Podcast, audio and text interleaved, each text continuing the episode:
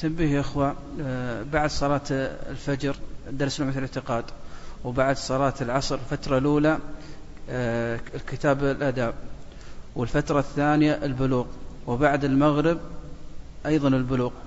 ومن أراد تسميع آه، المتون فبعد صلاة العشاء. جزاكم الله خير. قال أبو الوفاء بن عقيل الحنبلي رحمه الله بسم الله الرحمن الرحيم الحمد لله رب العالمين والصلاة والسلام على نبينا محمد وعلى آله وصحبه أجمعين.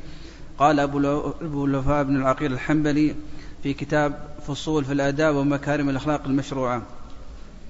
فصل ويكره نتف الشيب فقد ورد في الحديث أنه نور الله وهو أيضا نذير الموت ويقصر الأمل وحاث على حسن العمل ووقار. ويكره حلق القفا إلا لمن أراد الحجامة كذلك روي في السنن. فصل ولا ينبغي لأحد أن يهجم على أقارب وأجانب لئلا يصادف بذلة من كشف عورة ويستأذن ثلاثا فإن أذن له وإلا رجع. فصل ويحرم أن يتناجى اثنان دون ثالث لأنه يوجب إيحاشا وكسر القلب. فصل ويستحب افتتاح الأكل ببسم الله وختمه بالحمد لله وأن يأكل بيمينه مما يليه إذا كان الطعام نوعا واحدا ولا يأكل من ذروة الطعام لكن من جوانبه. وكذلك الكيل فإنه أدعى للبركة كذلك روي في السنن. ولا ينفخ في الطعام الحار ولا البارد ولا يكره الأكل والشرب قائما. ويكره متكئا وإذا أراد دفع إناء وإذا, وإذا أراد دفع إناء الشراب أو اللقمة دفع إلى من عن يمينه. كذلك كان يفعل النبي صلى الله عليه وسلم. فصل ومن أراد النوم يغلق بابه ويوكي سقاءه ويغطي إناءه ويطفئ سراجه. كذلك روي في السنن عن النبي صلى الله عليه وسلم. وك بسم الله الرحمن الرحيم. الحمد لله والصلاة والسلام على رسول الله. وعلى آله وأصحابه ومن اهتدى بهداه. أما بعد يقول ابن عقيل رحمه الله تعالى فصل ويكره نتف الشيب. فقد ورد في الحديث أنه نور الله وهو أيضا نذير الموت ويقصر الأمل وحاث على حسن العمل ووقار. كراهة نتف الشيب هذا مذهب الجمهور من المالكية والشافعية والحنابلة. واختاره شيخ الإسلام ابن تيمية رحمه الله تعالى. أما عند الحنفية فلا يكره نتف الشيب إلا إذا كان على وجه على وجه التزين. إلا إذا كان على وجه التزين والتجمل فإنه يكره عندهم. بينما يقول ابن مفلح رحمه الله يقول يتوجه يقول ويتوجه أنه يحرم ويتوجه أنه يحرم.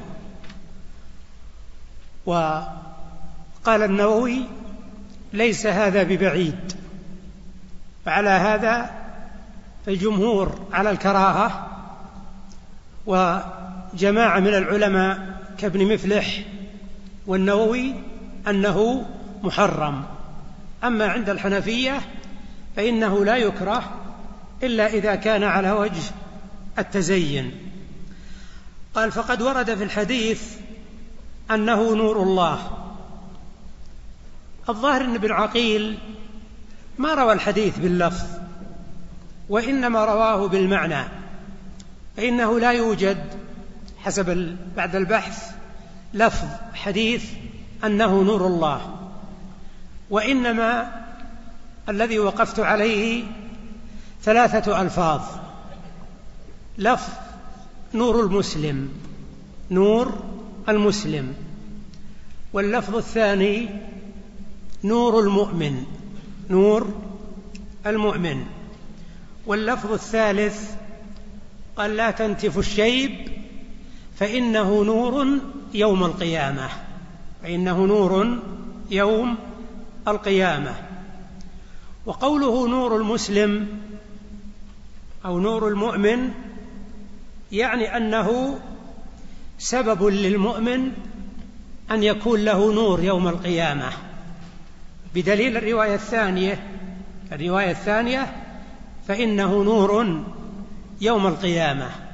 فالروايات يفسر بعضها بعضا ويصير المعنى لا تنتف الشيب فإن الشيب نور للمؤمن يوم القيامة يعني يكون سببا لحصول النور له يوم القيامة.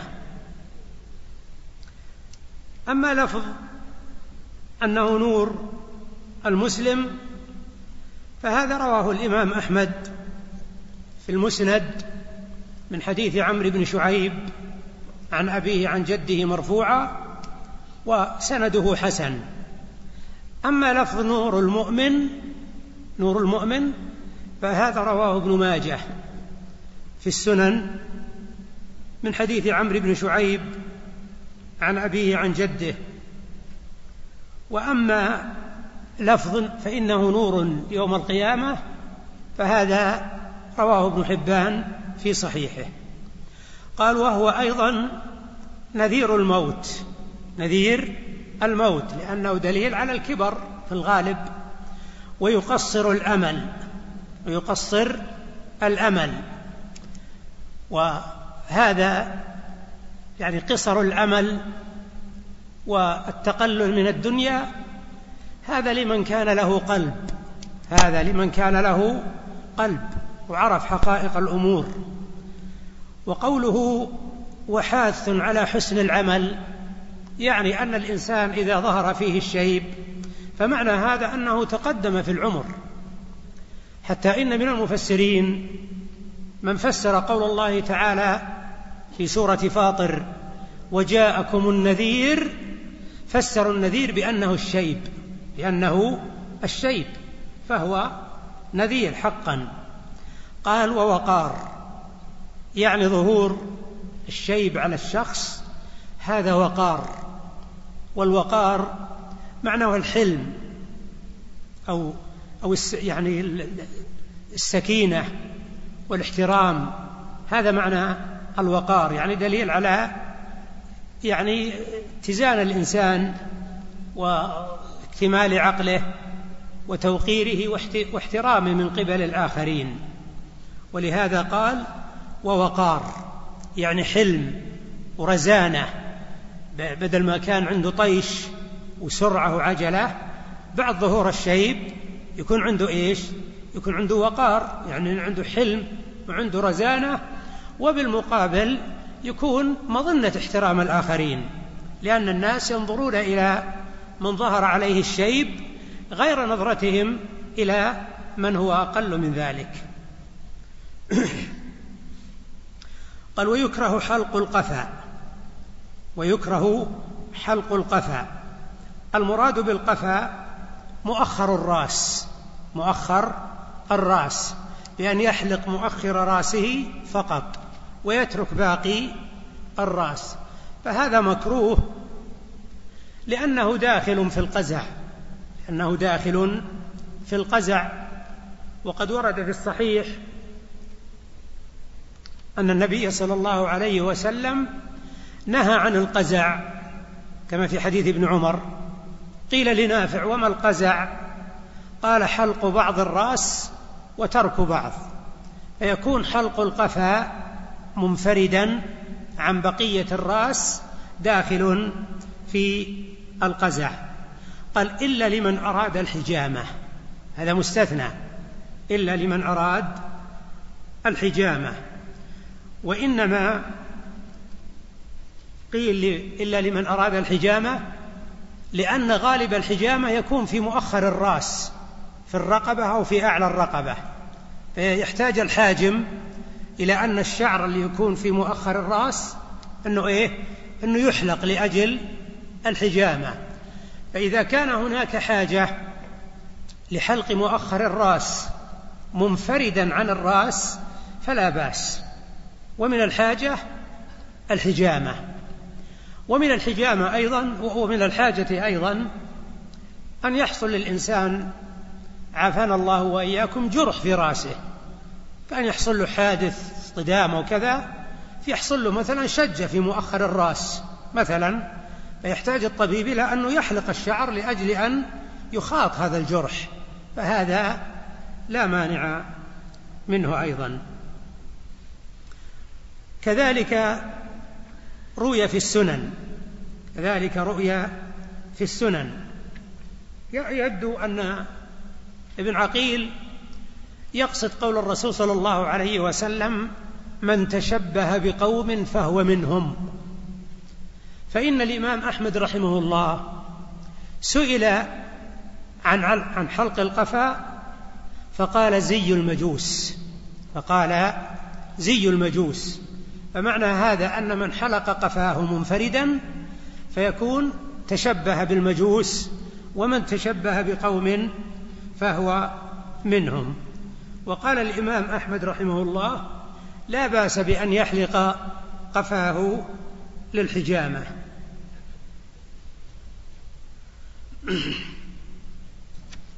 ولا ينبغي لأحد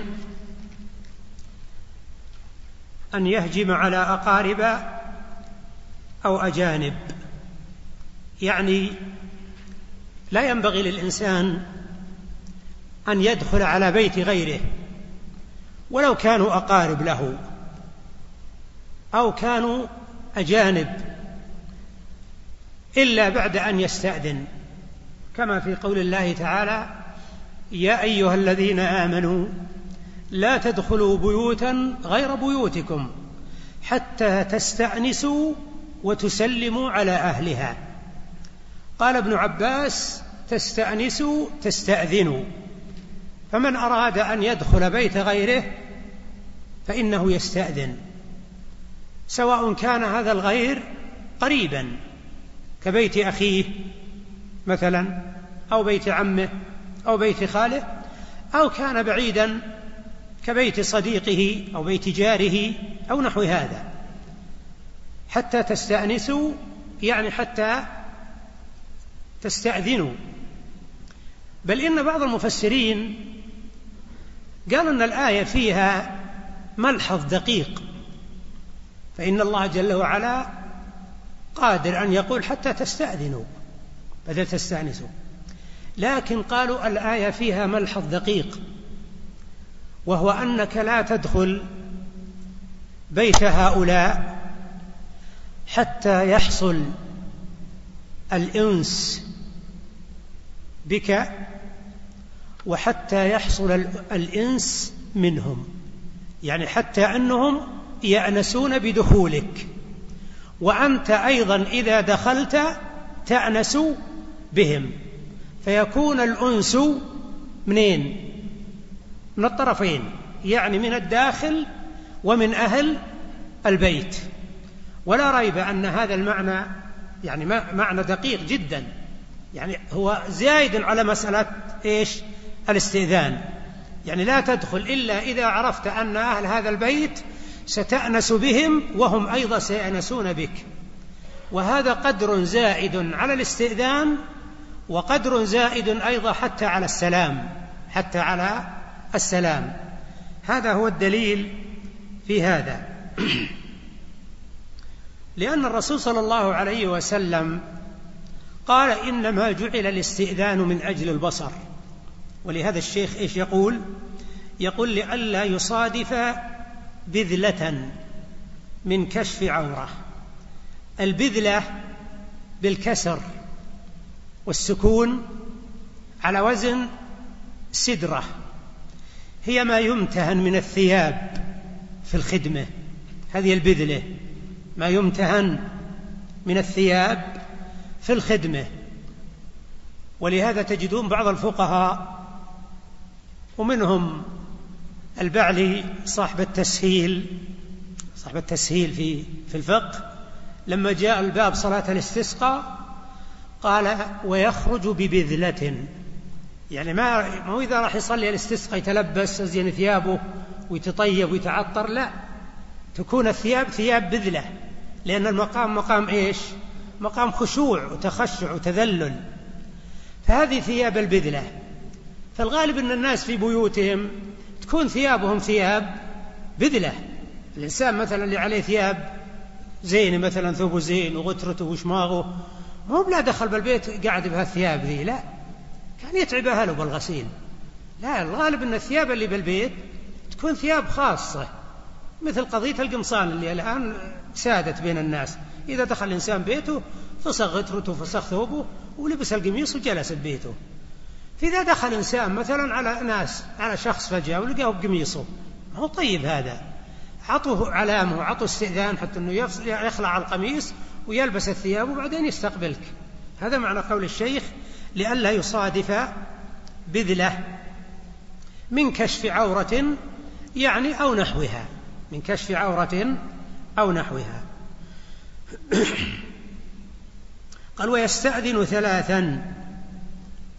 هذا دل عليه حديث أبي سعيد المتفق عليه أن النبي صلى الله عليه وسلم قال إذا استأذن أحدكم ثلاثا فلم يؤذن له فليرجع.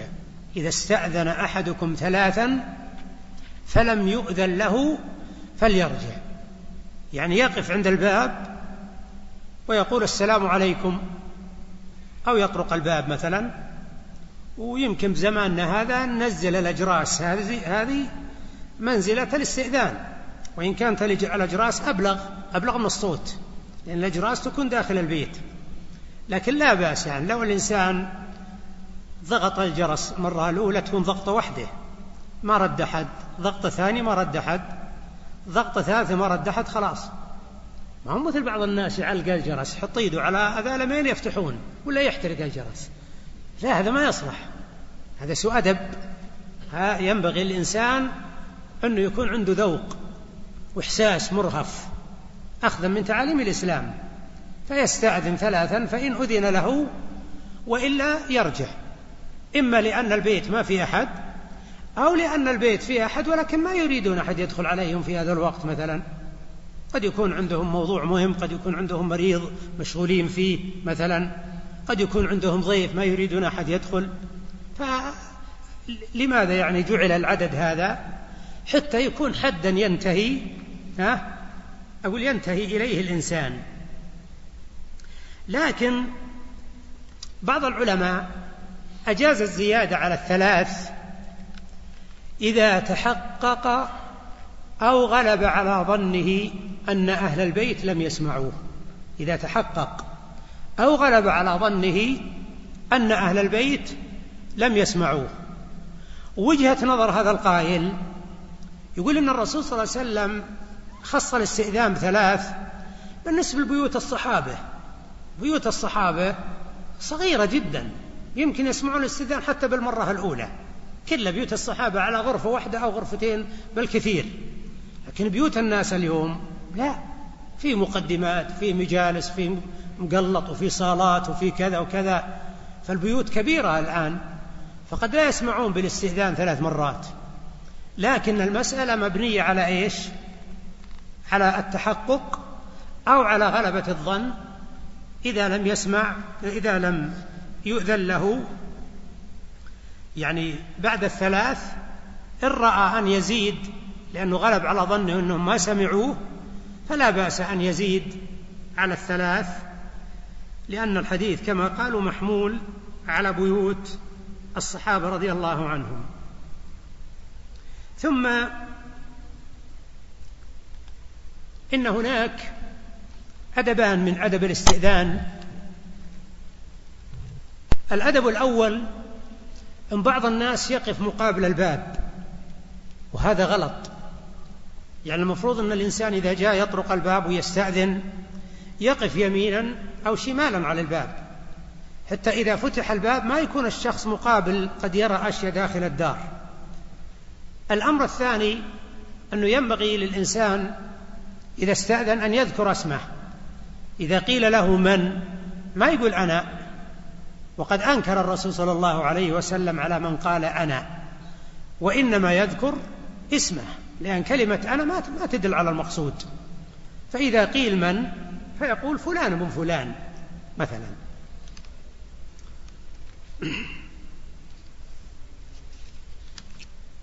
ويحرم أن يتناجى اثنان دون ثالث لأنه يوجب إيحاشا وكسر القلب. ورد في الصحيحين حديث ابن مسعود رضي الله عنه أن النبي صلى الله عليه وسلم قال لا يتناجى اثنان دون الثالث. لا يتناجى اثنان دون الثالث حتى تختلطوا بالناس من أجل أن ذلك يحزنه من أجل أن ذلك يحزنه.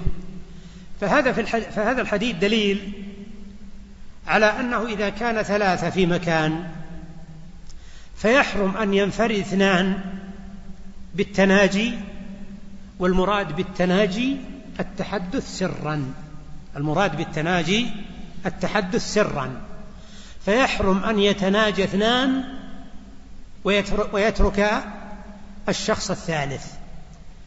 قال النبي صلى الله عليه وسلم من أجل أن ذلك يحزنه.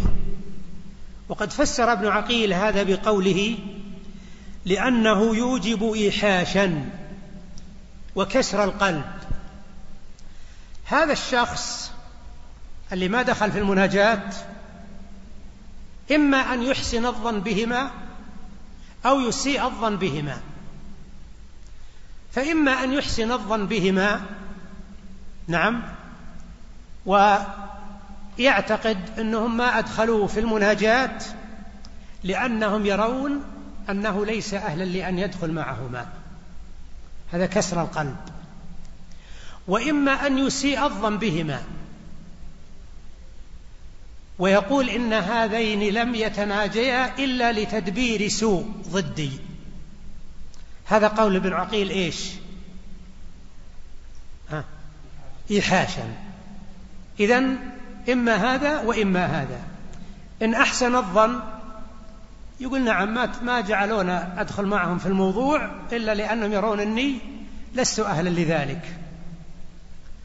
أما إذا أساء الظن بهما فإنه يخشى أن تكون هذه المناجاة والمسارة من أجل تدبير سوء ضده. فجاء هذا الدين العظيم بمنع التناجي. وإنما خص الرسول صلى الله عليه وسلم الثلاثة لأنه أقل عدد يمكن. أقل عدد. هل يمكن باثنين؟ يا إخوان ما يمكن باثنين. أقل شيء ثلاثة. إذا إذا كانوا أكثر من ثلاثة يجوز. ها؟ إذا كانوا عشرة وتناجى تسعة وتركوا واحد يجوز؟ لا ما يجوز. هذا من باب أولى. كل ما كثر العدد كلما اتضحت العلة أكثر. كلما اتضحت العلة إيش؟ أكثر. فإذا قيل لك لماذا الرسول صلى الله عليه وسلم خص العدد بثلاثة؟ تقول لأن هذا أقل عدد يمكن فيه التناجي مع ترك شخص آخر. هل الحكم يبقى فيما لو تناجى أكثر من ثلاثة وتركوا واحدا؟ الجواب نعم بل كل ما زاد العدد ها يكون الإيحاش أكثر. يعني لو كانوا عشرة وتناجى تسعة وتركوا واحد. إن كان إحسان ظن قال الحين هالتسعة ذولا كلهم. كلهم يسولفون بينهم ما دخلون معهم أنا. يعني يرون أني لست أهلا. وإن كان المسألة مسألة تدبير سوء يصير الأمر أعظم. يصير الأمر أعظم. يقول الله يعين عليهم ذولا. الحين ذولا تسعة يدبرون شيء الحين. ما ندري وش تصير النتيجة بعد نهاية المناجاة. واضح الكلام؟ طيب. أما إذا زالت الفردية فلا حرج. يعني لو صاروا مثلا تسعة وتناجى ثمانية وبقي اثنان فلا مانع. وإذا صاروا مثلا أربعة أربعة وتناجى اثنان وبقي اثنان فلا فلا حرج.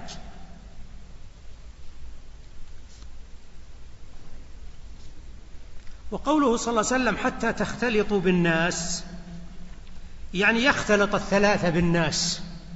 لأنهم إذا اختلطوا بالناس وصار فيه زيادة عدد ها لو تناجى اثنان الآن ما صار في واحد. لما اختلطوا بالناس صار رفيزهم الثالث معه ناس آخرين زالت الفردية. هذا معنى حتى تختلطوا بإيش؟ بالناس واضح؟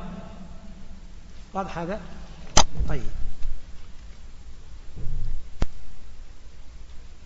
قال العلماء ومثل التناجي لو تحدث اثنان بلغة أجنبية لا يفهمها الشخص الثالث. ها؟ لو كان مثلا الثالث ذا ما يعرف اللغة الإنجليزية. وهذول ما شاء الله يجيدون اللغة الإنجليزية وبدأ يرطنون فيما بينهم. ما يدري شو يقولون. هذا لا يجوز لأنه يدخل في موضوع إيش؟ التناجي. طيب. قال فصل. ويستحب افتتاح الأكل ببسم الله. الشيخ هنا ذكر خمسة آداب تتعلق بالطعام.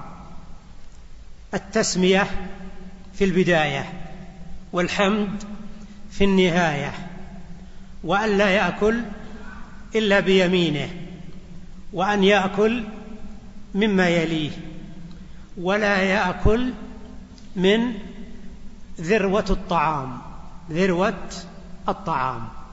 طيب. ورد في الصحيحين حديث عمر بن أبي سلمة قال قال لي رسول الله صلى الله عليه وسلم يا غلام سم الله وكل بيمينك وكل مما يليك. هذا يتعلق بإيش؟ بالتسمية والأكل باليمين والأكل مما يليه. طيب الأول التسمية. التسمية مستحبة بإجماع أهل العلم. تسمية على الطعام مستحبة بإجماع أهل العلم. وحكى جماعة من العلماء كالإمام النووي حكوا القول بالوجوب. والذين قالوا بالوجوب دليلهم واضح وهو الأمر. قالوا والأصل في الأمر أنه للوجوب. أما الذين يقولون إنه مستحب فهم يطردون القاعدة يا إخوان المضطردة أن ما كان من الأوامر في أبواب الآداب والأخلاق ها فإنه يحمل على الاستحباب أو بمعنى أدق ما كان في أبواب الآداب والإرشادات والتوجيهات والنصائح فإنهم يحملونه على إيش؟ على الاستحباب لكن الذين قالوا بالوجوب ما نظروا إلى هذه القاعدة التي قعدها الجمهور وإنما نظروا إلى ظاهر الدليل وهو قول الرسول صلى الله عليه وسلم يا غلام سم الله. قالوا وإذا كان الرسول صلى الله عليه وسلم أمر الغلام بأن يسمي فأمر غير الغلام ممن هو أهل للتكليف. هذا إيش؟ هذا من باب من باب أولى. والتسمية ظاهر الحديث أنه يكفي كلمة بسم الله. إذا أخذ بدأ أراد أن يأكل وقال بسم الله فإنه يكفي. وقال بعض العلماء لو أتى بالتسمية كاملة وزاد الرحمن الرحيم بسم الله الرحمن الرحيم فلا بأس. بل قال النووي إن هذا هو الأفضل. قال النووي هذا هو الأفضل. ومثل قول النووي ما نقله ابن مفلح عن شيخ الإسلام ابن تيمية أنه يرى استحباب هذه الزيادة. لكن الحافظ بن حجر يقول إني لم أرى دليلا على الزيادة لم أرى دليلا على الزيادة يعني على كلمة بسم الله ما رأى يعني دليلا على كلمة الرحمن الرحيم وكأنه نظر إلى ظاهر الحديث وهو بسم الله. ثم إذا سمى واحد هل يلزم أن يسمي البقية؟ إذا سمى واحد هل يكفي عن البقية أو لا؟ هذا موضع خلاف بين أهل العلم والراجح أنه لا يكفي.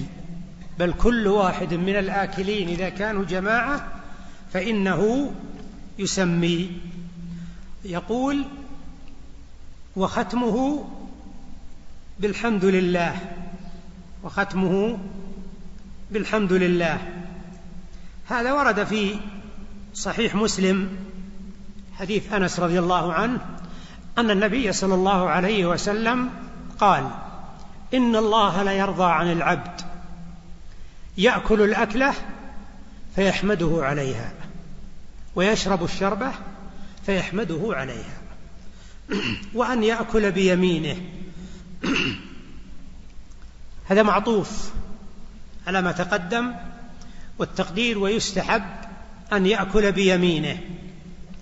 وهذا مذهب الجمهور من أهل العلم أن الأكل باليمين يعتبر من المستحبات على قاعدتهم كما سمعتم أن هذا من باب الآداب والإرشاد والتوجيه.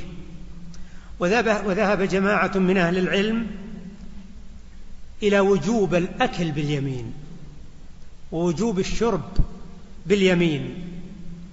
وهذا قول ابن عبد البر وابن حزم وابن أبي موسى. هذا يا إخوان ابن أبي موسى هذا من فقهاء الحنابلة المتقدمين.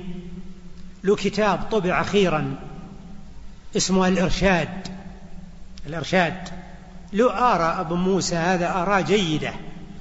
هذا من آرائه أنه يرى أن التسمية أن الأكل باليمين أنه واجب.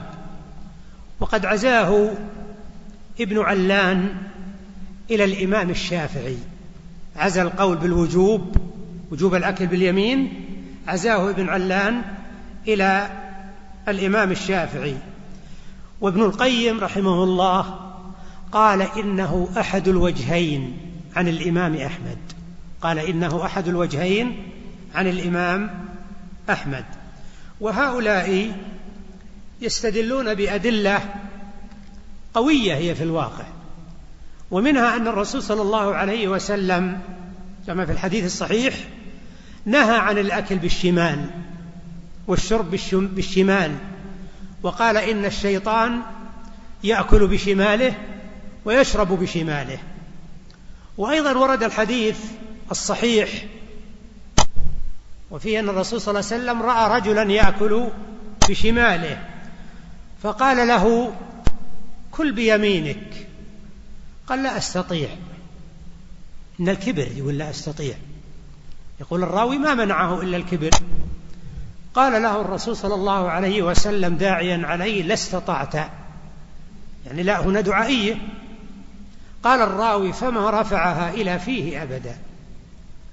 هذا من الأدلة الواضحة والبينة على وجوب الأكل باليمين. قال مما يليه. يعني ويستحب أن يأكل مما يليه. يأكل مما يليه. يعني إذا كانوا جماعة يأكلون فإن من الأدب أن الإنسان يأكل مما يليه من الطعام. ما يروح لجهة جاره ويأخذ منه. أو يروح للمقابل ويأخذ منه. وهذا كما قال ابن عقيل إذا كان الطعام واحدا طعام واحد مثل الناس جالسين يأكلون على مثلا صحن رز طعام واحد الآن يأكل من جهته هو. لأنه لو أكل من جهة غيره نعم فيكون أولا قد قذر الطعام على من بجانبه. الثاني أن هذا من التعدي على حق الغير. الثالث أن هذا دليل على الشره في الأكل. كان يقول بروح أبدي اللي بجنبي واللي عندي هذا يعني باقي الوقت. أجي في النهاية أروح أكل الثاني هذا قبل يفوتا إذا في نوع إيش؟ ها؟ في نوع شره ونهم. إذا العلل كم؟ ثلاث. تعدي على حق الآخرين تقدير الطعام على الآخرين أن هذا ينبئ عن إيش؟ عن الشره في الأكل. أما إذا لم يكن الطعام واحدا فلا بأس. يعني لو مثلا أمامنا صحن فيه تفاح وبرتقال وموز وكمثرى مثلا. أنا مثلا ما ما صار قدامي برتقال وأنا أحب البرتقال. وهذاك عنده برتقال وهذا. لا بأس أني أخذ برتقالة من الجهة الثانية.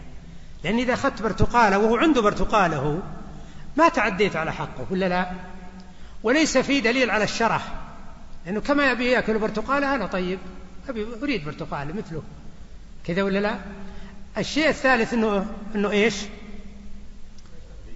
ها؟ ما في تعدي. ما يستقذر لأن معروف البرتقال من الأشياء الجافة. وعلى هذا كون الإنسان يأكل مما يليه هذا يكون في تفصيل. إن كان الطعام واحدا أكل مما يليه وإن لم يكن الطعام واحدا فلا بأس أن يأكل من غير الذي يليه.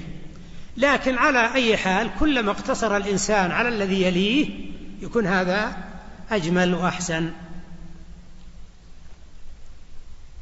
قال ولا يأكل من ذروة الطعام. هذا الأدب الخامس. هذا هذا ورد في حديث ابن عباس أن النبي صلى الله عليه وسلم أتي بقصعة من ثريد. فقال صلى الله عليه وسلم كلوا من جوانبها ولا تأكلوا من وسطها. فإن البركة تنزل وسط الطعام. كلوا من جوانبها ولا تأكلوا من وسطها. فإن البركة تنزل وسط الطعام. هذا الحديث رواه الأربعة واللفظ الذي سمعتم هو لفظ النسائي والحديث سنده سنده صحيح. وهو من رواية شعبة عن عطاء ابن السائب عن سعيد بن جبير عن ابن عباس. ومعروف أن عطاء ابن السائب قد اختلط. لكن سماع شعبة منه كان قبل اختلاطه كما قرر هذا الإمام أحمد وغيره. وعلى هذا فالحديث صحيح. ولا يقال أنه من رواية شعبة عن عطاء وعطاء قد اختلط. نقول سماع شعبة من عطاء إنما كان قبل قبل إيش؟ قبل اختلاطه. طيب قال لكن من جوانبه. وما هي العلة؟ مستنبطة ولا منصوصة؟ منصوصة. الرسول ولي نص على العلة. قال فإن البركة تنزل في وسطها يعني وسط الطعام. إذا أنكم أكلتوا وسط الطعام كأنكم قضيتوا على البركة. فأنتم كلوا من الجوانب واتركوا الوسط لأجل أن تبقى البركة. وهذه البركة يعني بركة عظيمة جدا. بركة انتفاع الآكلين وبركة أن الطعام يكون مري وبركة أن الطعام يبقى منه بقية. ثم اللي يجون يأكلون بعد الأولين يستفيدون أيضا نفس الفوائد. بخلاف ماذا إذا جاءوا وبدأوا يأكلون من الوسط تركوا الجوانب فإنها تنزع البركة. والحمد لله هذا من الآداب يعني اللي عليها الناس. الآن الحمد لله الناس معروف إذا بدأوا يأكلون إنما يأكلون من جهة الجوانب. يقول الشيخ وكذلك الكيل. يعني إذا أراد يكيل طعاما ما يكيل من الوسط. يعني إنسان مثلا عنده كوم الطعام مكوم رز كاب له كيسين وثلاثة كاس رز مثلا على بساط يبي يعطي فقراء ويبي يكيل أو زكاة فطر مثلا يبي كيلة. فابن عقيل يقول وكذلك الكيل. يعني إذا جاء يكيل ما يجي الوسط الكوم ويبدأ يكيل. تنزع البركة. إنما منين؟ يبدأ من الطرف. طبعا والكيل ما ورد فيه نص. لكنه مقيس.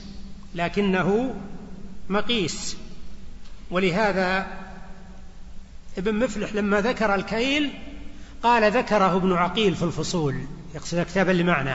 ذكره ابن عقيل في الفصول. وهكذا ذكره بقية علماء الحنابلة. و في كشاف القناع لما ذكر الإقناع صاحب الإقناع نعم أنه يؤكل من وسط الطعام ذكر الحديث. قال وكذلك الكيل. قال البهوتي في الشرح للعلة المشار إليها في الحديث. للعلة المشار إليها في الحديث. إذا إيش الدليل في موضوع في موضوع الكيل القياس. الموضوع هو إيش؟ أقول الدليل القصدي هو إيش؟ القياس. والعلة موجودة في هذا وموجودة في هذا. ولهذا قال وكذلك الكيل فإنه أدعى للبركة. كذلك روي في السنن. يعني يقصد إن العلة ثابتة في السنن. انتبهوا. الحديث اللي قلت لكم. لكن هل يقصد أن الكيل أنه ثابت في السنن؟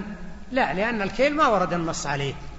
فأقول تشيرون إلى هذا في نسخكم. كذلك روي في السنن يعني أن العلة المشار إليها ثابتة في السنن. طيب. قال ولا ينفخ في الطعام الحار ولا البارد. هذا أيضا أدب سادس من آداب الطعام أن عدم النفخ.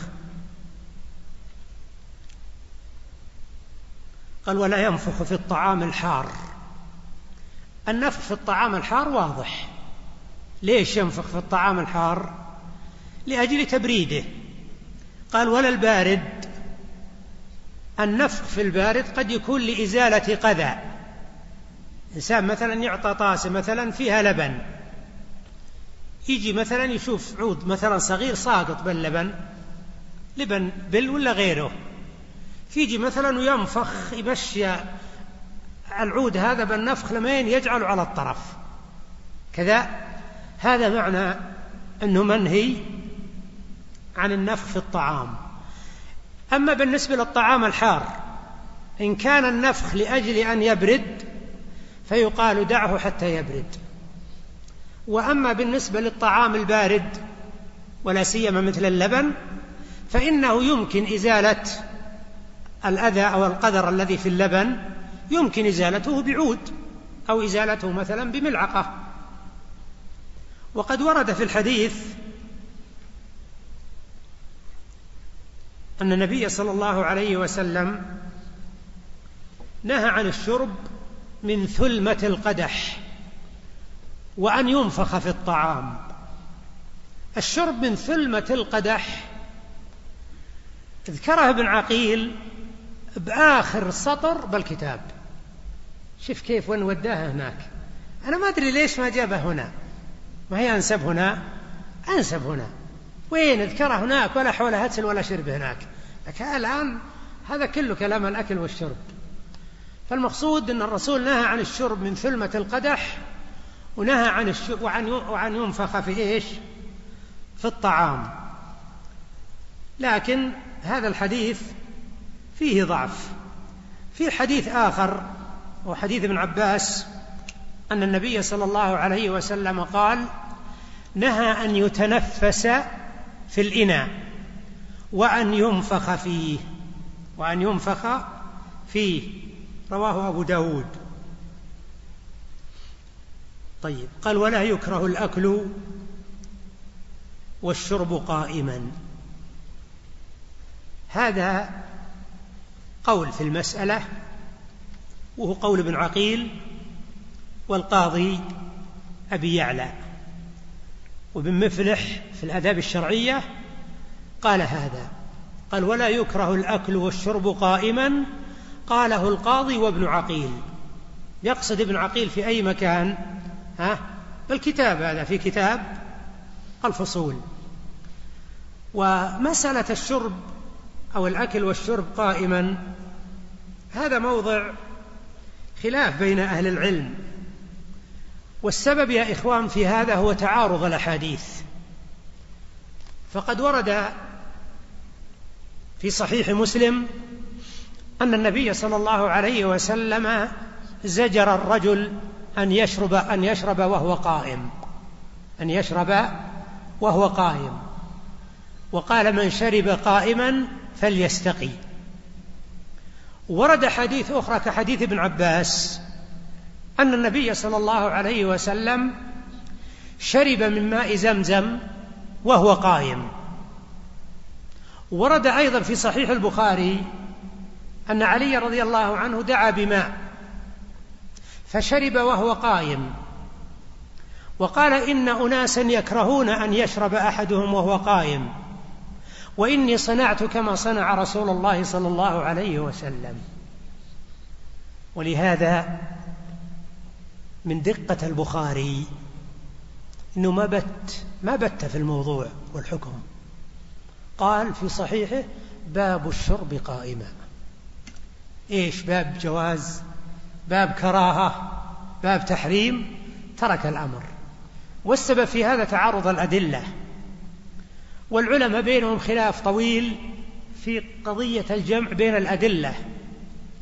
وأنا ذكرت الخلاف في المسألة العام الماضي عندما شرحنا رسالة ابن سعدي في الأصول وذكرت لكم القول الراجح في المسألة. القول الراجح في المسألة وهو أن أحاديث النهي محمولة على كراهة التنزيه. محموله على كراهة التنزيه. والرسول صلى الله عليه وسلم إنما شرب قائما لبيان الجواز. يعني لا يوصف فعل الرسول صلى الله عليه وسلم بالكراهة لكن يقال إن الرسول صلى الله عليه وسلم شرب قائما لبيان الجواز. فالأصل أنك تشرب وأنت جالس لكن إن شربت وأنت قائم فهذا لا بأس به يجوز. هذا خلاصة ما قيل في المسألة وإلا فالبحث فيها طويل وله ذيول. قال ويكره متكئا. يعني يكره أن الإنسان يأكل وهو متكئ. وقد ورد في هذا حديث أبي جحيفة الذي رواه البخاري في صحيحه أن النبي صلى الله عليه وسلم قال أنا لا آكل متكئا. أنا لا آكل متكئا. وقد اختلف العلماء في تفسير الاتكاء على ثلاثة أقوال. القول الأول أن الاتكاء هو الاعتماد على أحد جانبي البدن. يعني كأن يقول مثلا هكذا وهو يأكل أو يقول هكذا وهو يأكل. يعني يعتمد على أحد شقي البدن. هذا اتكاء ولا في خلاف هذا. التعريف الثاني أن الاتكاء الاعتماد على إحدى اليدين. وهذا بعض الناس يفعله. إذا جلس ياكل بيده اليمنى تجد أنه حاط يدها اليسرى وراء وقال إن كذا كذا مثلا ويأكل. هذا اتكاء أيضا. المعنى الثالث هو الذي فيه كلام للعلماء. فسروا الاتكاء بأنه التربع. وهذا أثر عن الخطابي أثر عن الخطابي وابن الأثير أيضا. لكن لا يعرف في اللغة العربية أن الاتكاء أو أن التربع يطلق عليه اتكاء. هذا لا يطلق عليه اتكاء. فهذا التفسير محل نظر ومحل تأمل. إن كان في اللغة العربية يطلق على التربع أنه اتكى فذاك وإلا فالذي يفهم من من اللغة العربية أن الاتكاء هو ما يتعلق بالمعنيين السابقين.